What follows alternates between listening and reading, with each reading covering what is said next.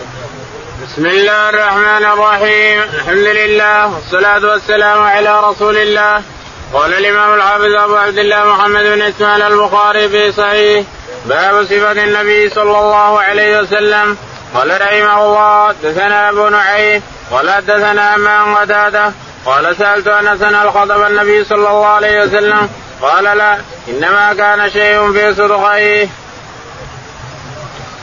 بسم الله الرحمن الرحيم. الحمد لله رب العالمين.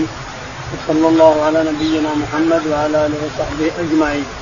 يقول الإمام الحافظ أبو عبد الله البخاري رحمه الله في صحيحه ونحن لا نزال في مناقب الرسول عليه الصلاة والسلام وصفته. يقول رحمه الله باب صفة النبي. صفة النبي عليه الصلاة والسلام كما ذكرها الصحابة رضي الله عنهم. عائشة وأنس والذي رأوه والتفقوا به وصفوه.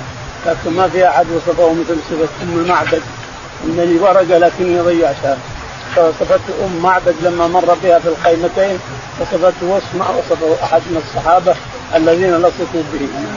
قال حدثنا أبو نعيم. حدثنا أبو نعيم. قال حدثنا حمام. حمام. قال حدثنا قتادة. قتادة قال سألت أنس نحن قدم النبي صلى الله عليه وسلم؟ قال لا. يقول سألنا أنس بن مالك رضي الله عنه صفتي خادم الرسول عليه الصلاة والسلام. هل خطب الرسول؟ قال لا وإنما شعيرات في خدوده في العوارض هنا وهنا حبتين هنا وحبة هنا. ولا ما ولا ما شاف عليه الصلاة والسلام.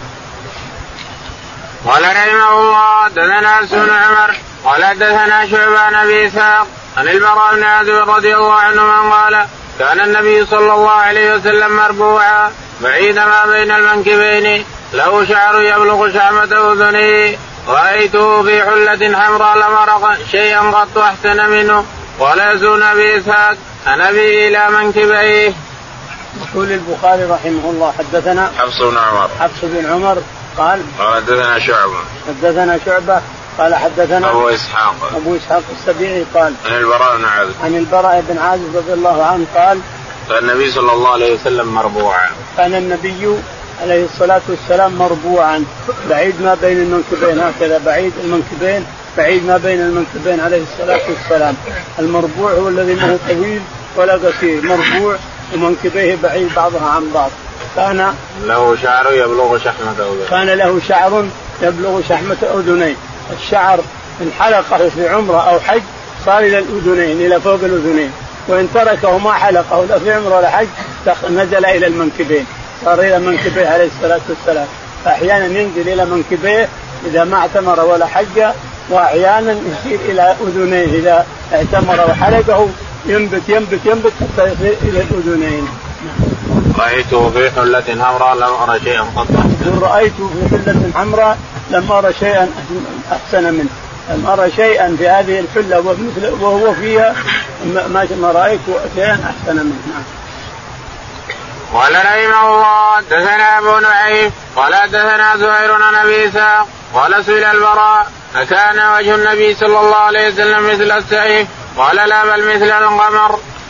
يقول البخاري رحمه الله حدثنا أبو نعيم. أبو نعيم قال حدثنا زهير. زهير قال حدثنا أبو إسحاق. أبو إسحاق السبيعي قال قال سئل البراء كان وجه النبي صلى الله عليه وسلم مثل السيف. قال سئل البراء بن عازب رضي الله عنه وكان وجه النبي صلى الله عليه وسلم مثل السيف؟ قال لا وإنما هو مثل القمر.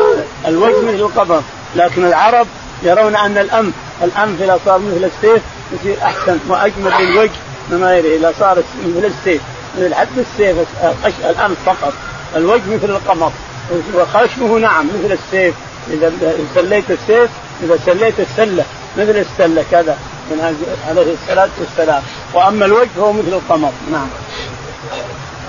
قال رحمه الله دثنا الحسن بن منصور أبو علي قال حدثنا حجاج بن محمد الأعور بالمصيصة قال حدثنا شعبان الحكم قال سمعت أبا جحيفة رضي الله عنه قال خرج رسول الله صلى الله عليه وسلم بالهاجر إلى البطحاء فتودع ثم صلى الظهر ركعتين والعصر ركعتين وبين يدي عنزه وزاد فيه عون نبي نبي جحيفه قال كان يمر بوراء المرأة وقام الناس فجعلوا يأخذون يديه ويمسحون بها وجوههم قال فأخذت بيدي فوضعتها على وجهي فإذا هي أبرد من الثلج يوم رائحة من المسك. يقول البخاري رحمه الله حدثنا الحسن بن منصور. الحسن بن منصور قال حدثنا حجاج بن محمد. حجاج بن محمد قال حدثنا شعبة. شعبة قال حدثنا الحكم بن عتيبة. الحكم بن عتيبة قال قال سمعت أبا جحيفة قال قال سمعت أبا جحيفة اللي اسمه وهب بن عبد الله السوائي يقول إن النبي عليه الصلاة والسلام خرج من قبة في البطحاء هنا يقول في البطحاء والحديث الآخر سيأتينا أنه في بطحان. فان كان في بطحان فهو المدينة وإن كان في في البطحاء فهو في في, في مكة. يعني عند الحدود هنا. وخرج من قبة حمراء من من البطحاء خرج في في في جبة حمراء أو في كساء أحمر. ما رأيت أحسن من من الرسول عليه السلام في عليه الصلاة والسلام في تلك الجبة. وإني لأرى وباصطيقانه لأنه مرتفع نصف الساق. وباصطيقانه من تحت الجبة. يقول فخرج بلال مرتين. بلال خرج بوضوء.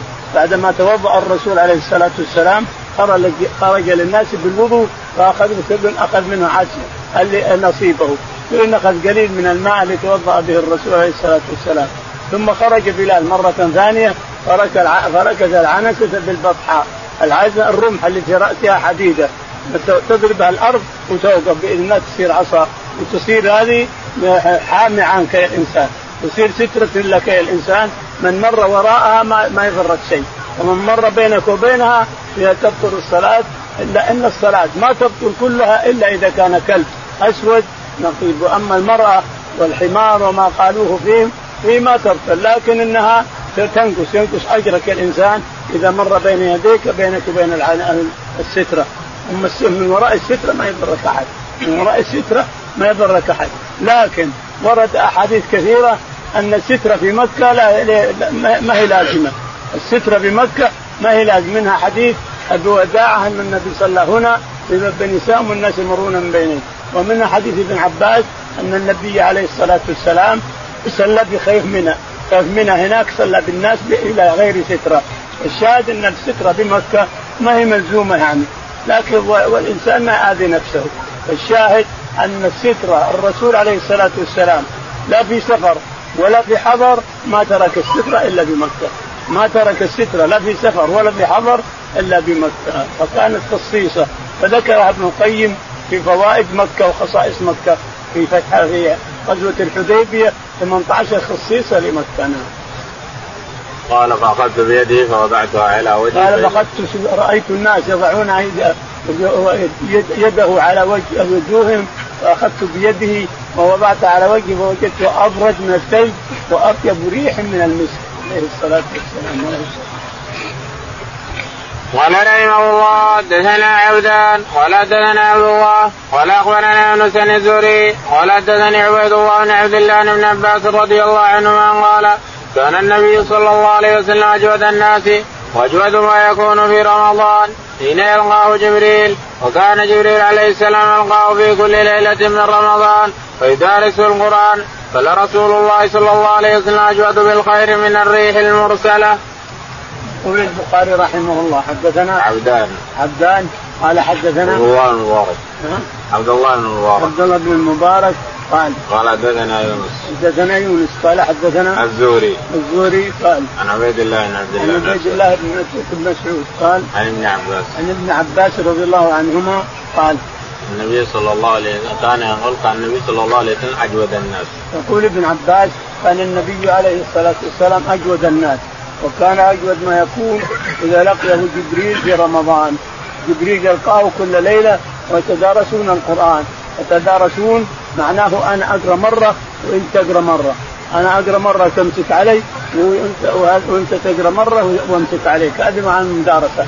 يعني ناس مجتمعين يسمعون لانسان يقرأ أو اثنين. واحد يمسك المصحف وواحد يقرأ. فإذا انتهى أخذ المصحف هذا وصار هذا يقرأ على صدره عصورهم فكان يقرأ عليه الصلاة والسلام. كل ليلة هو جبريل. يتدارسون القرآن. هذا يقرأ وهذا يسمع. حتى يقول وكان إذا أتاه جبريل عليه الصلاة والسلام كان أجود من بالخير من الريح المرسلة. كان إذا لقيه جبريل كان أجود بالخير من الريح المرسلة.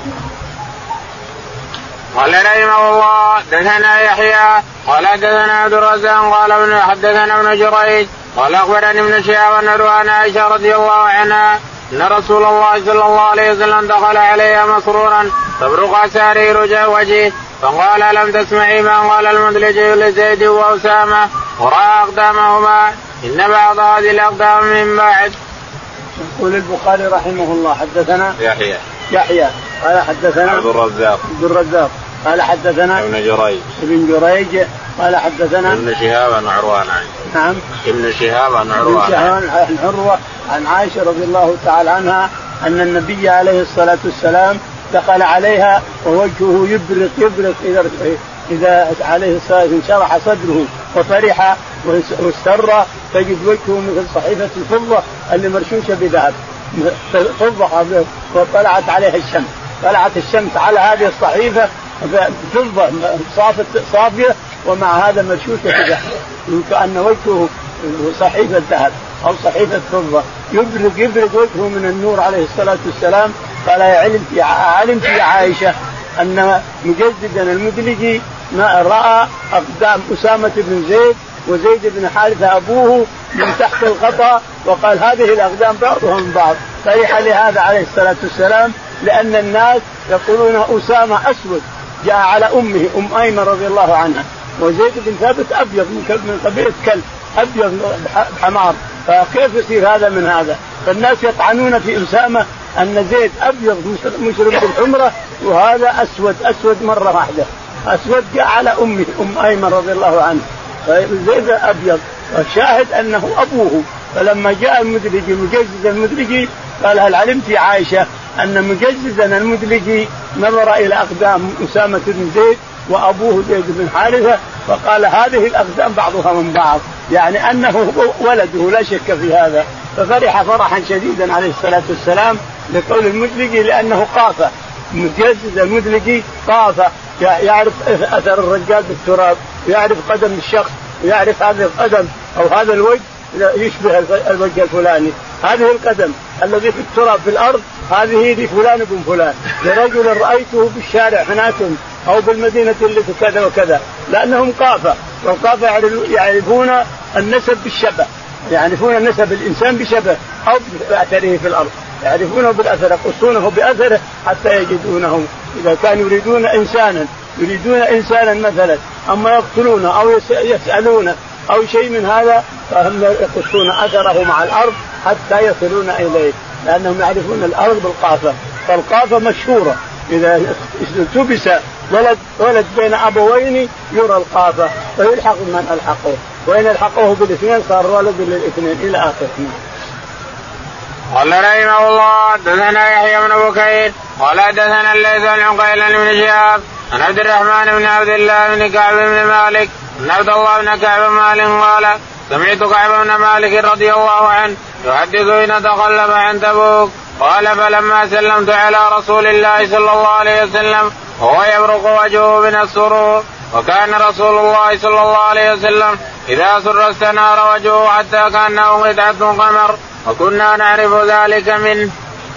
يقول البخاري رحمه الله حدثنا يحيى بن بكير. يحيى بن بكير قال حدثنا الليث. الليث بن سعد قال حدثنا عقيل. عقيل عن ابن شهاب. عن ابن شهاب. عن عبد الرحمن بن عبد الله. عن عبد الرحمن بن ابي بن عبد الله. بن مالك. أن أباه كعب بن مالك لما تخلف عن غزوة تبوك وهجره الرسول عليه الصلاة والسلام مع الاثنين ثلاثة هجرهم الرسول خمسين ليلة أربعين أول ثم أمر النساء أن تفارقهم فتمت خمسين ليلة. يقول لما تاب الله عليهم وعلى الثلاثه الذين خلفوا حتى اذا ضاقت عليهم الأرض بما رحبت وضاقت عليهم أنفسهم وظنوا أن لا ملجأ من الله إلا إليه ثم تابوا تاب الله عليهم. الشاهد أنه يقول دخلت عليه ووجهه يبرق يبرق يبرق وهذه عادته نعرفه منه. يبرق وجهه كأنه صفحة قمر أو كأنه صحيفه فضة رشت بذهب أحمر. فضة وقعت عليها الشمس وهو مرشوش بذهب أحمر وجهه عليه الصلاة والسلام. فإذا استنار وجهه عرفنا ذلك في وجهه. نعم. قال رحمه الله حدثنا قتيبة بن سعيد. قال حدثنا يعقوب بن عبد الرحمن عن عمرو عن سعيد المقبري عن أبي هريرة رضي الله عنه أن رسول الله صلى الله عليه وسلم قال بعثت من خير قرون بني آدم قرنا وقرنا حتى كنت من القرن الذي كنت فيه. يقول البخاري رحمه الله حدثنا قتيبة. قتيبة قال حدثنا يعقوب. يعقوب قال حدثنا عمرو. عن عمرو عن سعيد بن عمرو قال آه، عن سعيد المقبوري. عن سعيد المقبوري. عن أبي هريرة. عن أبي هريرة رضي الله تعالى عنه أن قال قال إن رسول الله صلى الله عليه وسلم قال بعثت من خير قرون من إن النبي عليه الصلاة والسلام قال بعثت من خير القرون. من قرن قرن قرن قرن. حتى بعثت في القرن فيه هو خير القرون. لا شك أن القرن اللي فيها الرسول هو خير القرون. لا شك أن قرن الرسول هو خير القرون. لا شك في هذا نعم.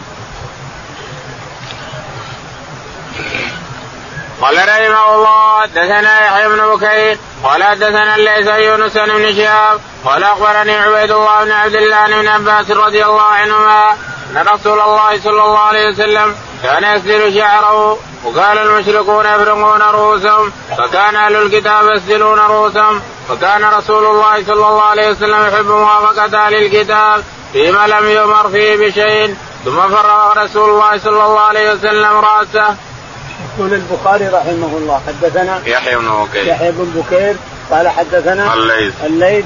قال حدثنا يونس. يونس. قال عن ابن شهاب. عن ابن شهاب. قال عن عبيد الله بن عبد الله. عن عبيد الله بن عتبة. قال عن ابن عباس. عن ابن عباس رضي الله تعالى عنه أن النبي عليه الصلاة والسلام كان يحب موافقة اليهود واليهود كانوا يسجلون اليهود كانوا يفرقون والمشركين كانوا المشركين يفرقون.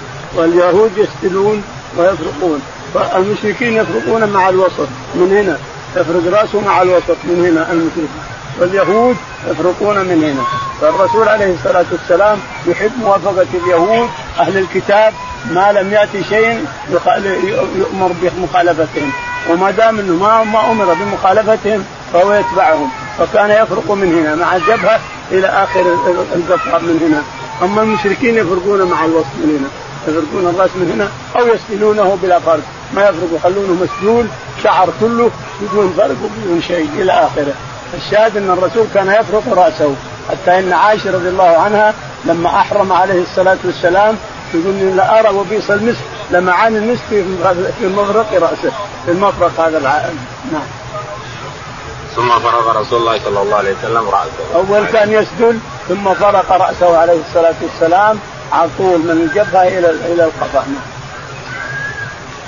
قال رحمه الله دثنا عبدان عن أبي حمزان الأعمش عن أبي وائل مسروق عن عبد الله بن عمرو رضي الله عنهما قال لم يكن النبي صلى الله عليه وسلم فاحشا ولا متفحشا وكان يقول إن من خياركم أحسنكم أخلاقا. يقول البخاري رحمه الله حدثنا عبدان عبدان قال حدثنا أبو حمزة. أبو حمزة قال حدثنا الأعمش. الأعمش قال عن أبي وائل. عن أبي وائل قال حدثنا مسروق. مسروق الأجدع قال عن عبد الله بن عمرو بن العاص. عن عبد الله بن عمرو بن العاص أن النبي عليه الصلاة والسلام قال نعم. قال لم يكن النبي صلى الله عليه وسلم فاحشا ولا متفحشا عبد الله بن عمرو بن العاص يصف الرسول عليه الصلاة والسلام في أخلاقه. يقول لم يكن النبي عليه الصلاة والسلام فاحشا ولا متفحشا ولا يغضب إلا إذا انتهكت محارم الله. ما يغضب إلا انتهك شيء من محارم الله. نعم. قال وكان يقول إن من خياركم أحسنكم اخلاقا. وكان يقول إن من خياركم أحسنكم اخلاقا. ومن خياركم أحسنكم اخلاقا لنسائهم.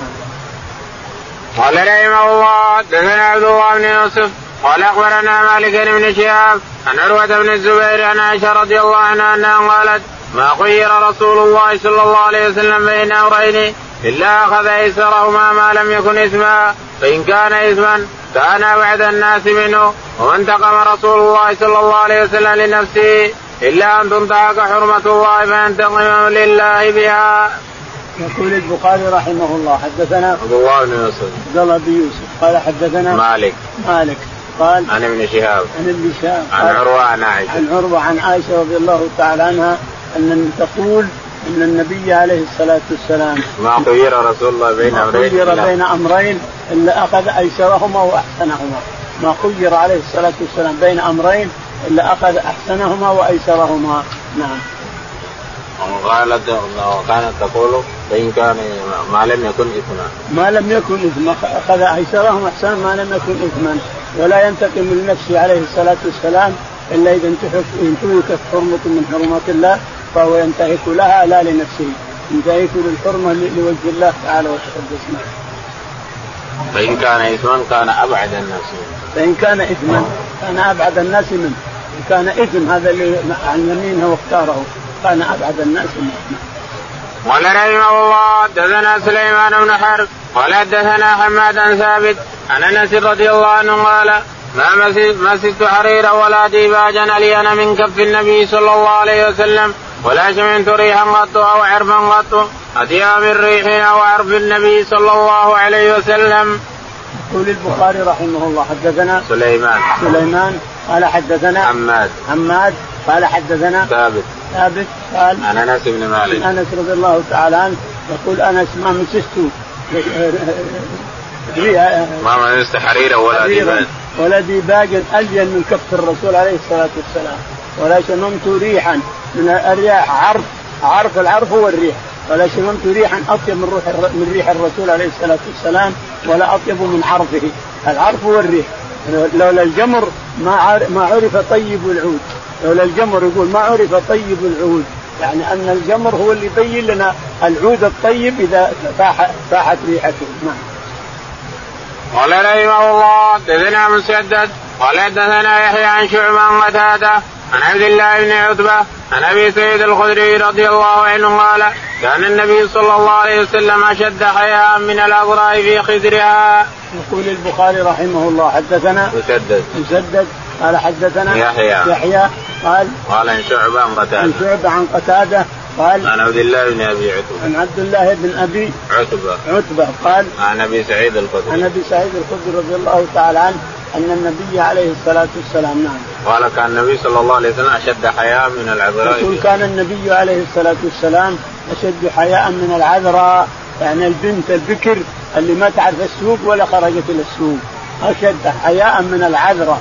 العذراء اللي ما تعرف السوق ولا رأت السوق إطلاقا. يعني بكر أشد حياء من العذراء. الحياء مأمور به. الحياء عليه الصلاة والسلام أشد حياء ولكن أمر أمته بالحياء لما ربنا حياء ما كان الحياء في شيء إلا زانه قال رحمه الله حدثني محمد بن بشار قال حدثنا يحيى بن مهدي قال حدثنا شعبة مثله وإذا كره شيئا عرف في وجهه. يقول البخاري رحمه الله حدثنا محمد بن بشار. محمد بن بشار قال حدثنا يحيى وابن مهدي. يحيى وابن مهدي قالوا حدثنا شعبة. حدثنا شعبة. مثل الحديث الأول. مثل الحديث الأول بمعنى الحديث الأول. وزاد وإذا كره شيئا عرف في وجهه. زاد وإذا كره شيئا عرف ذلك في وجهه. إذا إذا إذا إذا فرح بشيء استنار وجهه. وإذا كره شيء عرف ذلك بوجهه عرفت الكراهية في وجهه عليه الصلاة والسلام. قال رحمه الله حدثني علي بن قال أخبرنا شعبان الاعمش عن ابي حازم عن أبي هريرة رضي الله عنه قال ما عاب النبي صلى الله عليه وسلم طعاما قط إن اشتهى واكله وإلا تركه. يقول البخاري رحمه الله حدثنا علي بن الجعد علي بن الجعد قال حدثنا شعبة. شعبة قال حدثنا الأعمش. الأعمش قال عن أبي حازم. عن أبي حازم الكبير الأشجعي عن أبي هريرة رضي الله تعالى عنه يقول أبو هريرة أن النبي عليه الصلاة والسلام ما عاب طعاما قط إن اشتهاه أكله وإلا تركه. ليش؟ لأنك إذا عبته الإنسان أفسدته على اللي معك يبغوا يأكلون أو بيجي بعدك ناس أفسدته على الناس. فلا يجوز سب الطعام لأنه نعمة من رب العالمين تعالى وتقدس. فلا يمكن للمسلم ما يجوز للمسلم أن يسب الطعام أو هذا ملح أو هذا مر أو هذا كذا. أنت إذا كنت تريد تشتهي كل. ما تشتهي اسكت ولا تكلم بشيء دع الناس يأكلون. لأن هذه نعمة من الله تعالى وتقدس دع الناس يأكلون ولا تفسد طعامهم عليهم. هذا من الآداب الإسلامية. نعم. قال رحمه الله حدثنا قتيبة بن سعيد قال حدثنا بكر بن مضر عن جعفر بن ربيعة الأعرج عن عبد الله بن مالك بن بحرين الأسدي رضي الله عنه قال كان النبي صلى الله عليه وسلم إذا سجد فرج بين يديه حتى نرى إبطيه قال وقال ابن بكير حدثنا بكر بياض إبطيه يقول البخاري رحمه الله حدثنا قتيبة. قتيبة قال حدثنا بكر بن مضر. بكر بن مضر قال حدثنا جعفر بن ربيعة. جعفر بن جعفر بن ربيعة قال عن الأعرج. عن الأعرج عن عبد الله بن مالك بن عن بحير عبد الله بن مالك ابن بحينة. ابن بحينة عبد الله بن مالك بن بحينة. أبوه اسمه القشم. عبد الله بن مالك بن القشم وبحينة أمه. يقول ما رأى بياض ما رأى شيء أبيض من الرسول إذا جاء جافي إذا سجد عليه الصلاة والسلام في الأرض يجافي بين عضديه وبين جنبه. فيرى الناس اللي وراءه يرون إبطه بياض إبطه بياض الإبط كأنه لمعان يلمع. كأنه فضة نعم. وقال ابن بكير بياض إبطيه. أول ما قال ابن بكير بياضي يعني الإبطين الاثنين. وبياض إبطيه كل واحد تجمع واحد على اثنين نعم. قال رحمه الله حدثنا عبد الاعلى بن حماد قال حدثنا زيد بن زريع قال حدثنا سعيد بن قتادة أن أنس رضي الله عنه حدثهم أن رسول الله صلى الله عليه وسلم كان لا يرفع يديه في شيء من دعائه. إلا في الاستسقاء فإنه كان يرفع يديه حتى يرى بياض ابطيه. يقول البخاري رحمه الله حدثنا عبد الأعلى. عبد الأعلى قال حدثنا يزيد. يزيد قال حدثنا سعيد عن قتادة. سعيد عن قتادة عن أنس بن مالك أنس بن مالك رضي الله تعالى عنه يقول أنس أن النبي عليه الصلاة والسلام ما كان يرفع يديه في الدعاء في دعاء. أنس أنكر هذا أنكر أن الرسول رفع يديه لكن ورد حديث عائشة أبي موسى الأشعري وعمر بن الخطاب أن النبي عليه الصلاة والسلام إذا سلم من التطوع الفريضة لا لكن إذا سلم من التطوع رفع يديه هكذا ثم مسح بها وجهه. هذا عن ثلاثة من الصحابة عمر رضي الله عنه وأبي موسى الأشعري وعائشة رضي الله تعالى عنها. فإذا فرغ من صلاة التطوع أما الفريضة فلا. تطوع مد يديه ودعا فإذا انتهى مسح بهما وجهه إلى آخره. هذا أبو موسى الأشعري وعمر بن الخطاب وعائشة رضي الله تعالى عنهم. قال رحمه الله حدثنا الحسن بن الصباح قال حدثنا محمد بن سابق قال حدثنا مالك بن مغول قال سمعت عون أبي جحيفه ذكر عن أبيه رضي الله عنه قال دفعت إلى النبي صلى الله عليه وسلم وهو بالابطح في قبة كان بالهاجرة خرج بلال فنادى بالصلاة ثم دخل فأخرج فضل وضوء رسول الله صلى الله عليه وسلم فوقع الناس عليه يأخذون منه ثم دخل فأخرج العنزة وخرج رسول الله صلى الله عليه وسلم كأني أنظر إلى وبيس ساقيه فركز العنزة ثم صلى الظهر ركعتين والعصر ركعتين يمر بين يدي الحمار والمرأة. يقول البخاري رحمه الله حدثنا الحسن بن الصباح الحسن بن الصباح قال حدثنا محمد بن ثابت. محمد بن ثابت قال حدثنا مالك بن مغول. مالك بن مغول قال عن عون بن أبي جحيفه عن عون بن أبي جحيفة عن أبيه أبو جحيفة يقول كنا في الهاجرة بالقائله وأذن المؤذن للظهر. يقول فخرج الرسول وبني له خرج من قبة مبني له قبة في الابطح يقول فخرج الرسول عليه الصلاة والسلام خرج بلال اولا وأخرج ماء فضل وضوء الرسول عليه الصلاة والسلام وفرقه بين الناس. كل أخذ قليل اللي يرش به وجهه واللي يرش به بدنه واللي يشرب إلى آخره. ثم بعد ذلك دخل وأخرج عنزة وركزها في قدام المصلى. فخرج عليه الصلاة والسلام في قبة حمراء ما رأيت أحسن منه في القبة. هذا وهب بن عبد الله السواي أبو جحيفة. يقول فصلى بنا العصر قصرا والظهر قصرا. صلى العصر والمغرب يعني كان كأنه صلى جمع. صلى الظهر والعصر على اثنين اثنين. كانه أخر صلاة الظهر لحر الشمس أو شيء من هذا ثم لما وجب العصر أقام الصلاة وصلى على ركعتين ركعتين جمعا الظهر والعصر نعم. قال رحمه الله حدثني الحسن بن الصباح البزار قال حدثنا سفيان الزهري عن عن عائشة رضي الله عنها أن النبي صلى الله عليه وسلم كان يحدث حديثا لو عده العاد لاحصاه. يقول البخاري رحمه الله حدثنا الحسن بن الصباح. الحسن بن الصباح قال حدثنا سفيان. سفيان قال حدثنا الزهري. الزهري. عن عروة عن عائشة. عن عروة عن عائشة. عن عروة عن عائشة رضي الله تعالى عنها تقول إن كلام الرسول عليه الصلاة والسلام إذا تكلم لو تريد أن تعده عديته لأنه ما ما هو ما يلهى يجري يجري لا لا لا لا لا لا, لا. يتكلم عليه الصلاة والسلام بكلام فصيح يفهمه الناس. لأنه مرسول يبلغ الناس. فيتكلم بكلام فصيح واضح ولا ولا يستني. لو أردت أن تعد كلامه عليه الصلاة والسلام لعددته. نعم. وقال الليث حدثني يونس بن شهاب أنه قال أخبرني عروة بن الزبير عن عائشة أنها قالت ألا يعجبك أبو فلان؟ جاء فجلس إلى جانب حجرتي يحدث عن رسول الله صلى الله عليه وسلم. يسمعني ذلك. وكنت اسبح فقام قبل أن اقضي صبحتي ولو ادركته لرددت عليه. إن رسول الله صلى الله عليه وسلم لم يكن يسرد الحديث كسردكم.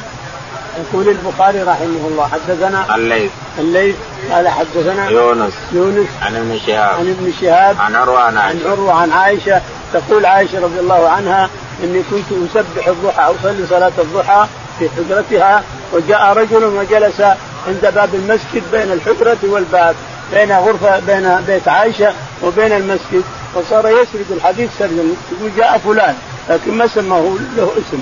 تقول وكان يسرد الحديث سردا ولو ولو ولو سلمت من صلاتي رددت عليه لكنه قام قبل أن أنتهي من صلاتي. يقول قام الرجل قبل أن أنتهي من سمته قالت فلان. نعم. أبو هريرة. الشارح يقول أبو هريرة. أبو هريرة يمكن. يقول الشارح إنه أبو هريرة. رضي الله عنها كيف كانت صلاة رسول الله صلى الله عليه وسلم في رمضان؟ قالت ما كان يزيد في رمضان ولا غيره. على إحدى عشرة ركعة. يصلي أربع ركعات فلا تسأل عن حسن وطول. ثم يصلي أربعا فلا تسأل عن حسن وطول.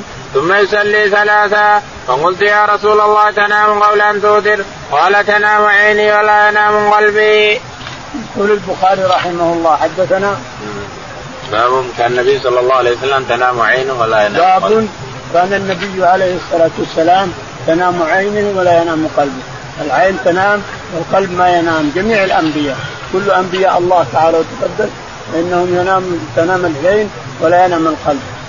يقول البخاري رحمه الله حدثنا رواه سعيد بن مينا عن جابر عن رواه سعيد بن مينا عن جابر عن النبي صلى الله عليه وسلم. عن النبي عليه الصلاة والسلام أنها تنام العين ولا ينام القلب. نعم. قال حدثنا عبد الله بن يقول البخاري حدثنا عبد الله قال حدثنا مالك. مالك قال حدثنا سعيد المقبري سعيد المقبري قال عن أبي سلمة بن عبد الرحمن أبي سلمة بن عبد الرحمن أنه سأل عائشة. أنه سأل عائشة كيف صلاة الرسول عليه الصلاة والسلام في رمضان؟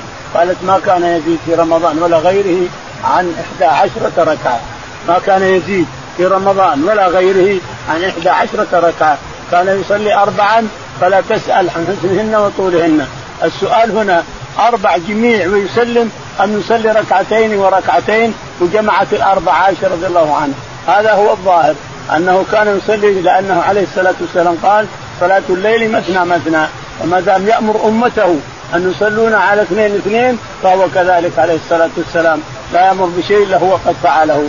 الصلاة الأربع أربع يعني يسلم تسليمتين ثم لا تسأل عن حسنهن وطولهن فسمتهن أربع جمعت الأربع لأنه يسلم هذه يسلم هذه ثم فلا تسأل عن حسن هذه الأربع وطولهن ثم يصلي أربعا. فلا تسأل عن حسنهن وطولهن ثم يصلي ثلاثا ثم ينام. أقول له فيستيقظ يصلي. أقول يا رسول الله تقوم تصلي. وأنت نمت قال ينام عيني تنام عيني ولا ينام قلبي عليه الصلاة والسلام. وهذه خاصة بالأنبياء. تنام عيني ولا ينام قلبي خاصة بالأنبياء. لا يجوز لأحد أن يطلق على أحد إلا على النبي عليه الصلاة والسلام. قال رحمه الله حدثنا إسماعيل قال حدثني أخي سليمان عن شريك بن عبد الله بن أبي نمر قال سمعت أنس بن مالك رضي الله عنه يحدثنا عن ليلة نسي بالنبي صلى الله عليه وسلم من مسجد الكعبة. جاءه ثلاثة نفر قبل أن يوحى إليه وهو نائم في مسجد في المسجد الحرام. فقال أولهم أيهم هو؟ فقال أوسطهم وخيرهم. وقال آخرهم خذوا خيرهم. فكانت تلك فلم يرهم حتى جاءوا ليلة أخرى فيما يرى قلبه. والنبي صلى الله عليه وسلم نائمة عيناه ولا ينام قلبه. وكذلك الأنبياء تنام أعينهم ولا تنام قلوبهم. فتولاه جبريل ثم عرج به إلى السماء. يقول البخاري رحمه الله حدثنا إسماعيل بن أبي أويس. إسماعيل بن أبي أويس. عن أخيه عبد الحميد. عن أخيه. قال حدثنا سليمان بن بلال. سليمان بن بلال.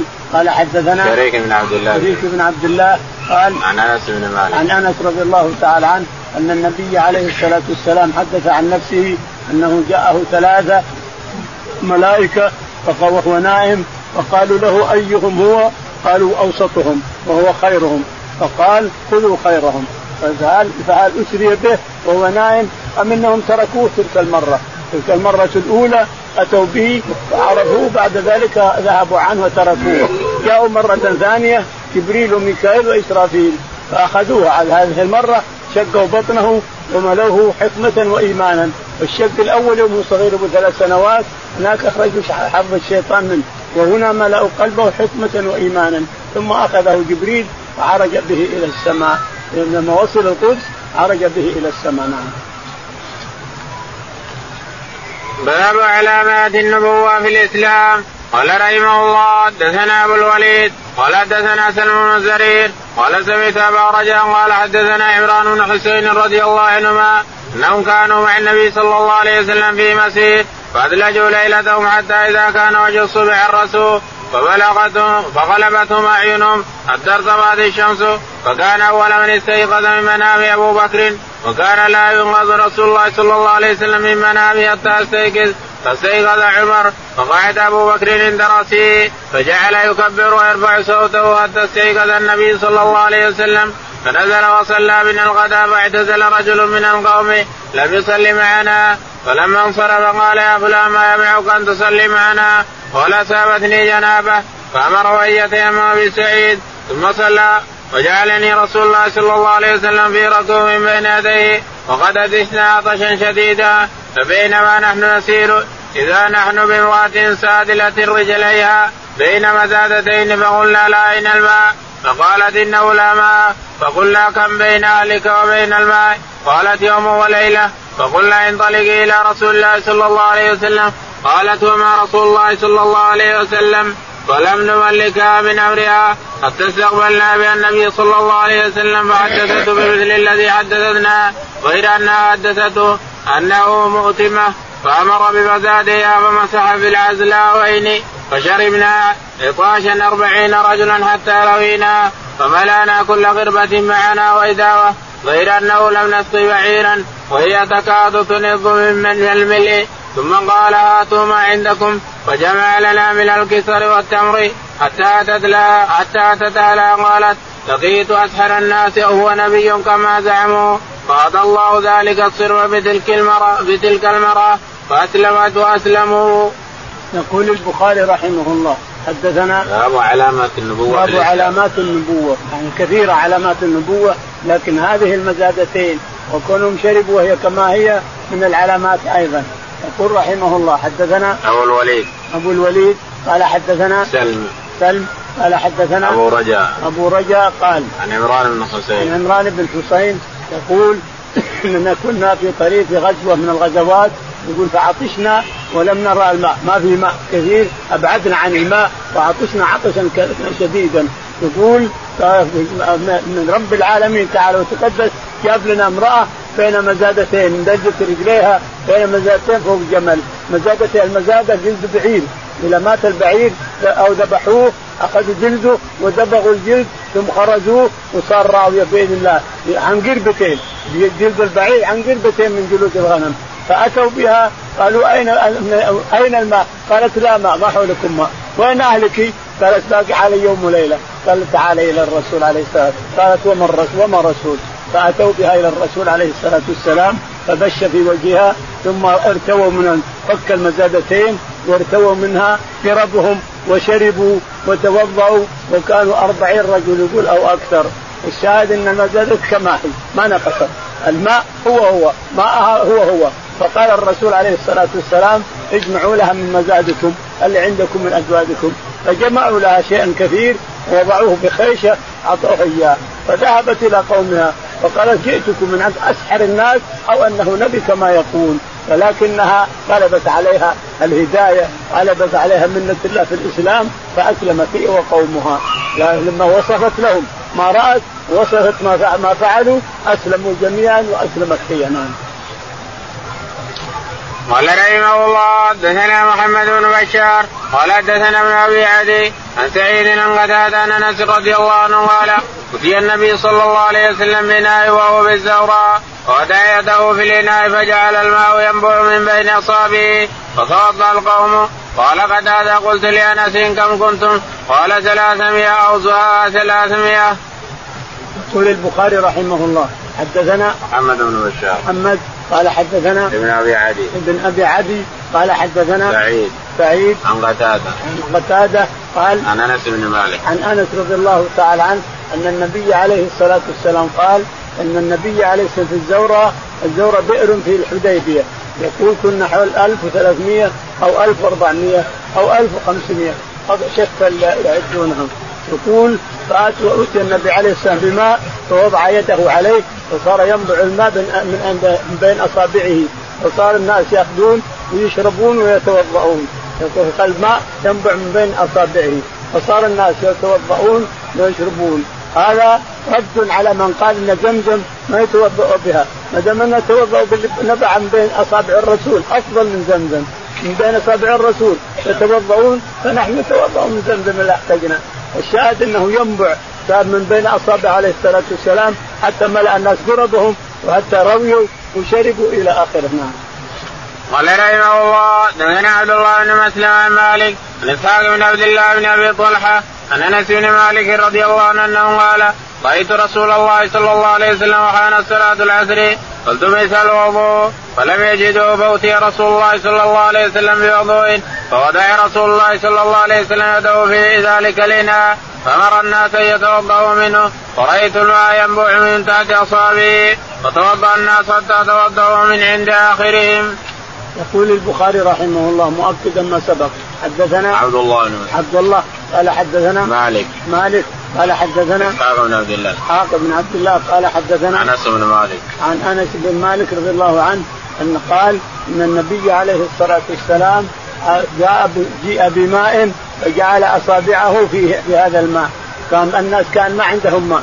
فجيء فجيء بماء قليل فوضع بين يديه عليه الصلاة والسلام فوضع أصابعه فيه فصار ينبع الماء من اصابع عليه الصلاة والسلام فجاء الناس بأوانيهم وملوا أوانيهم وتوضأوا وشربوا حتى انتهوا ثم كف عليه الصلاة والسلام.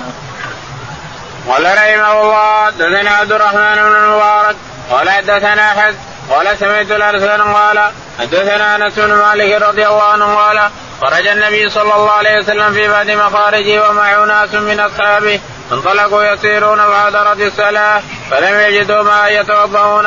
انطلق رجل من القوم فجاء بقدح من ماء يسير فقدر النبي صلى الله عليه وسلم فتوضأ ثم مد أصابعه الأربع على القدح ثم قال قوموا فتوضأوا فتوضأ القوم حتى بلغوا فيما يريدون من الوضوء وكانوا سبعين أو نحوه. يقول البخاري رحمه الله حدثنا عبد الرحمن. عبد الرحمن قال حدثنا حزم. نعم. حزم. حزم نعم. نعم. قال حدثنا؟ الحسن البصري. الحسن. قال حدثنا؟ أنس بن مالك. أنس بن مالك رضي الله تعالى عنه قال إن النبي عليه الصلاة والسلام خرج في بعض أسفاره ولما جاء وقت الصلاة ما وجدوا ماء يتوضؤون. يقول فجاء إنسان بماء قليل فرضع الرسول عليه الصلاة والسلام أصابعه فاخذ صار الناس يغرفون من بين الصدر ويتوضؤون. حتى توضؤوا الوضوء الكامل قال كم كنتم؟ قال 80 أو 70 أو 80 قال لو كانوا 1500 كما في الحديبية يتوضأوا من عند اصابع الرسول 1500 كما قال جابر نعم.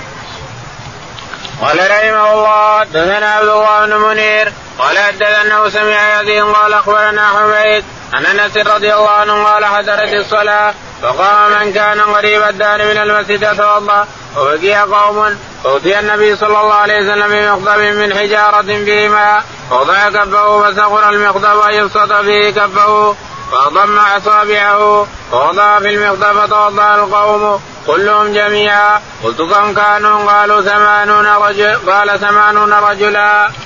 يقول البخاري رحمه الله حدثنا عبد الله بن منير. عبد الله بن منير قال حدثنا يزيد. يزيد قال حدثنا حميد. حميد قال حدثنا انس بن مالك. أنس رضي الله تعالى عنه قال كنا في سفر فاتت الصلاة فجاء, فجاء الناس يريدون الوضوء ووجد الرسول عليه الصلاة والسلام حجرا فيه ماء حتى الحجر في الماء. أراد أن يدخل يده مفتوحة فلم تدخل عند الحجر فضم أصابعه الأربع ودخلها بالماء فصار الماء يفور من الحجر حتى توضأ الناس كاملا بكاملهم. نعم. قال كم كنتم؟ قال حول الثمانين. قال رحمه الله حدثنا موسى بن إسماعيل قال حدثنا عبد العزيز بن مسلم قال حدثنا حسين عن سالم بن أبي الجعد عن جابر بن عبد الله رضي الله عنهما قال أتي الناس يوم الحديبية والنبي صلى الله عليه وسلم بين يديه ركوة فتوضأ فجيش الناس ونحوه فقال ما لكم؟ قالوا ليس عندنا ماء نتوضأ ولا نشرب إلا ما بين يديك فوضع يده في الركوة فجعل الماء يسور بين اصابعه كامثال العيون. فشربنا وتوضأنا. قلت كم كنتم؟ قال لو كنا مئة ألف لكفانا. كنا خمسة عشر مئة.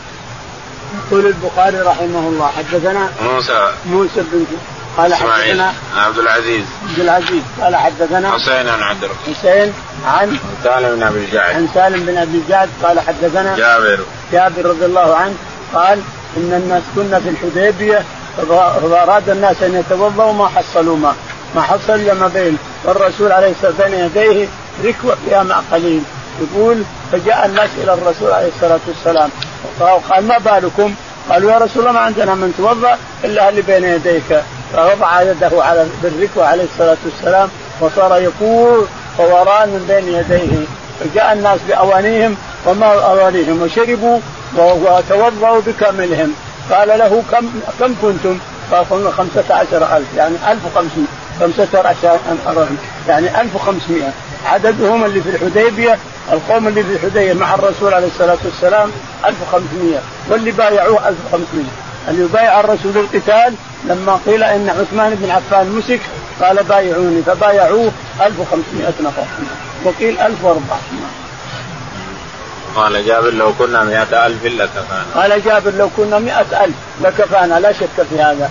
البركة من الله تعالى تقدس بين يضعها الله بين يدي الرسول عليه الصلاة والسلام وفي أفعاله وأقواله عليه الصلاة والسلام. نعم. إذا مسك شيء بارك الله فيه. وإذا شرب من شيء بارك الله فيه إلى آخره. نعم. قال رحمه الله حدثنا مالك بن إسماعيل قال حدثنا إسرائيل عن أبي إسحاق البراء رضي الله عنه قال كنا يوم الحديبية أربعة عشر مئة والحديبية بئر فنزحناها حتى لم نترك فيها قطرة فجلس النبي صلى الله عليه وسلم على شفير البئر فدعا بماء فمضمض ومج في البئر فمكثنا غير بعيد حتى استقينا حتى روينا وروت ركائبنا. يقول البخاري رحمه الله حدثنا مالك بن إسماعيل. مالك قال حدثنا إسرائيل. إسرائيل. عن أبي إسحاق. عن أبي إسحاق. عن البراء. عن البراء قال كنا يوم الحديبية 14 14 أنس يقول 15 جابر. يقول جابر 15 جابر يقول 14 15 15 وهذا يقول 14 شك من لهم 15 وقيل 14 اللي بايعوه على القتال. يقال إنهم 14 كما في حديث سلمة بن اكوى ويقال 15 الله أعلم. في الحديبية هنا الحديب بئر هنا حبس الرسول عليه الصلاة والسلام عن دخول مكة فيها. فقال فصاروا نعم. فنزعناها حتى لم نتركها. يقول فنزعنا ماء حتى لم نترك فيها ولا قطره ويبسد فاشتكينا إلى الرسول فقال الرسول عليه الصلاة والسلام خذوا هذا فمج في البئر فصارت البئر. يقول فشربنا وتوضأنا واسقينا ركائبنا بعد. صارت البئر فشربنا وتوضانا وأسقينا ركائبنا. نعم عليه الصلاة والسلام. قال رحمه الله دثنا عبد الله بن يوسف قال حدثنا مالك بن إسحاق بن عبد الله بن أبي طلحة أنه سمع أنس بن مالك يقول قال أبو طلحة لمسلم العين لقد سمعت صوت رسول الله صلى الله عليه وسلم ضعيفا أعرف فيه الجوع فهل عندك من شيء؟ قالت نعم. فأخرجت اقراصا من شيء ثم اخرجت ثمارا لها فلفت الخبز ببعضه ثم دست تحت يديه ولا زدني ببعضه ثم أرسلتني إلى رسول الله صلى الله عليه وسلم قال فذهبت به فوجدت رسول الله صلى الله عليه وسلم في المسجد ومعه الناس فقمت عليهم. فقال لي رسول الله صلى الله عليه وسلم أرسلك أبو طلحة؟ فقلت نعم. قال بطعام فقلت نعم. فقال رسول الله صلى الله عليه وسلم لي معه قوموا. فانطلق وانطلقت بين أيديهم حتى جئت أبا طلحة فأخبرته. فقال أبو طلحة يا أم سليم قد جاء رسول الله صلى الله عليه وسلم بالناس وليس عندنا ما نطعمهم. قالت الله ورسوله أعلم. فانطلق أبو طلحة لقي رسول الله صلى الله عليه وسلم. فأقبل رسول الله صلى الله عليه وسلم أبو طلحة معه. فقال رسول الله صلى الله عليه وسلم هلم يا ام سليم ما عندك؟ فأتت بذلك الخبز فأمر به رسول الله صلى الله عليه وسلم ففتت ففت وعصرت أم سليم عكة فأدمته. ثم قال رسول الله صلى الله عليه وسلم فيه ما شاء الله يقول. ثم قال إذا لعشرة فأذن لهم فأكلوا حتى شبعوا. ثم خرجوا ثم قال إذا لعشرة فأذن لهم فأكلوا حتى شبعوا. ثم خرجوا ثم قال إذا لعشرة فأذن لهم فأكلوا حتى شبعوا. ثم خرجوا ثم قال إذا لعشرة فأكل القوم كلهم وشبعوا والقوم سبعون أو ثمانون رجلا. يقول البخاري رحمه الله حدثنا عبد الله. عبد الله. قال حدثنا مالك. مالك. قال حدثنا إسحاق بن عبد الله. إسحاق بن عبد الله قال عن أنس بن مالك. عن أنس رضي الله تعالى عنه قال إن النبي إن ابا طلحة رأى الجوع في وجه الرسول عليه الصلاة والسلام رأى النشاط والجفاف في وجه الرسول عليه الصلاة والسلام فعلم أنه جائع وأنه حاجة إلى الخير. يقول فذهب أبو طلحة قال يا يا أم سليم. لقد رأيت الرسول عليه الصلاة والسلام ووجهه من تحت ناشف فأتي فهلم ما عندك؟ قالت فجاء الرسول عليه السلام ومعه الناس. بعد ذلك اتى الرسول ودخل على أم سليم فقال فتي فأخذه وفته بيده ودعا بالبركة ثم أتت أم سليم بعكه فعصرته عليها ثم قال ادع عشرة. ادع عشرة فاكلوا وشبعوا ادع عشرة. ادع عشرة. ادع عشرة حتى شبعوا الثمانين منهم. كم هم؟ قال قريب ثمانين رجل. اللي أكلوا من عشرة عشرة عشرة قريب ثمانين رجلا عليه الصلاة والسلام. وهذه القصة حصلت لجابر في غزوة الخندق. حصلت لجابر أيضا. على عشرة عشرة يدخلون إلى آخره. نعم. والله أعلم. اللهم اهدنا فيمن هديت وعافنا فيمن عافيت. وتولنا فيمن توليت. اللهم توفنا مسلمين والحقنا بالصالحين رب العالمين.